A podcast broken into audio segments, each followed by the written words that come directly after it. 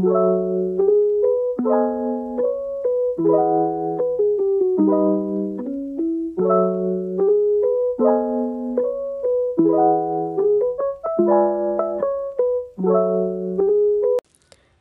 everyone, I am Simai. Welcome to podcast Ruang Cerita.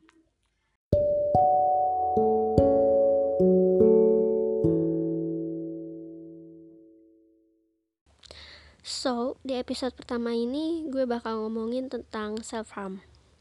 Apa sih self harm? Self harm adalah tindakan menyakiti diri sendiri secara disengaja dengan tujuan untuk mengalihkan emosi negatif ke sakit fisik. Dan self harm itu sendiri banyak banget macam-macamnya, di antaranya mencubiti diri, memukul-mukul dinding, atau bahkan yang paling parah yaitu mengiris tangan dengan benda-benda tajam. Setelah kita tahu apa itu self harm, what do you think about people who do self harm? Caper, lebay, gila. Yeps, itu beberapa stigma yang dilontarkan mereka kepada orang-orang yang melakukan self harm.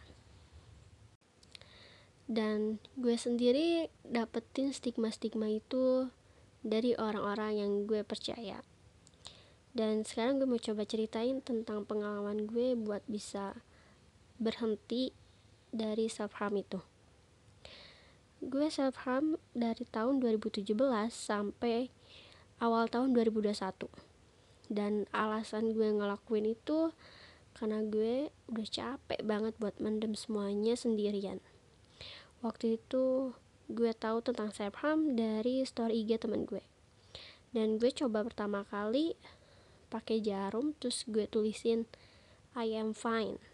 Dan akhirnya gue beraniin diri buat coba self harm dengan cara ngiris-ngiris tangan gue pakai cutter. Yaps itu ngebuat gue lega walaupun cuma sesaat tentunya. Tapi gue bisa ngerasain yang namanya lupa sama segala masalah gue lupa sama semua rasa sakit yang gue rasain lupa sama permasalahan-permasalahan gue. Dalam kurun waktu kurang dari lima tahun itu gue bisa cutting 2 sampai 3 kali dalam sehari. Dan bahkan paling parahnya gue pernah membakar besi dan besi panas itu gue tempelin ke tangan gue dan ya sampai sekarang masih ada bekasnya tentu. Terus gue udah sering coba buat bisa berhenti tapi ya gue selalu gagal gitu kan dan gue selalu coba cerita tentang pengalaman gue ini kepada orang yang gue percaya.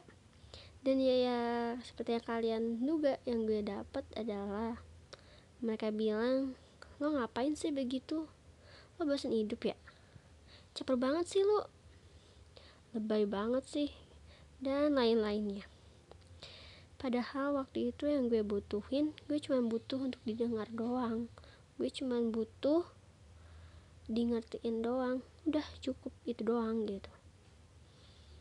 Dan gue selalu coba juga buat bisa berhenti ngelakuin self harm cuman ya selalu gagal dan selalu berusaha ngelakuin itu lagi gitu kan. Setiap gue ke trigger gue lakuin itu lagi.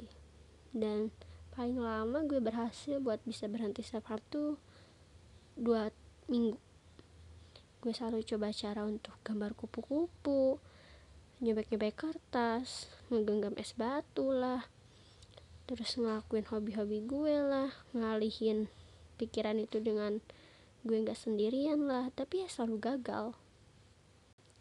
Sampai akhirnya gue berpikir I have to stop it.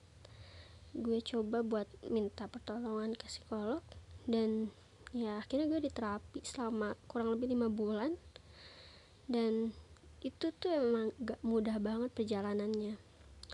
Gue track semuanya itu di aplikasi yang namanya Sober. Dan akhirnya setelah apa yang gue usahain apa yang telah yang udah gue laluin akhirnya gue bisa berhenti dan ya gue berhasil bertahan selama satu tahun satu bulan buat nggak self harm ya memang banyak banget struggle yang gue laluin. Gue kadang suka kepikiran untuk ngelakuin itu lagi. Tapi karena gue udah janji sama diri gue sendiri ya akhirnya gue coba untuk bisa bertahan gitu. Sampai selama-lamanya tentu. Dan hal paling penting buat kalian yang mau coba buat berhenti dari self harm yaitu support system dan niat kalian. Gitu sih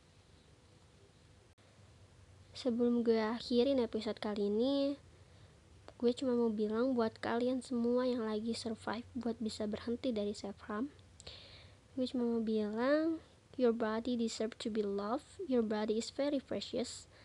I know it must be hard but there's nothing wrong to trying love yourself. And you're not alone.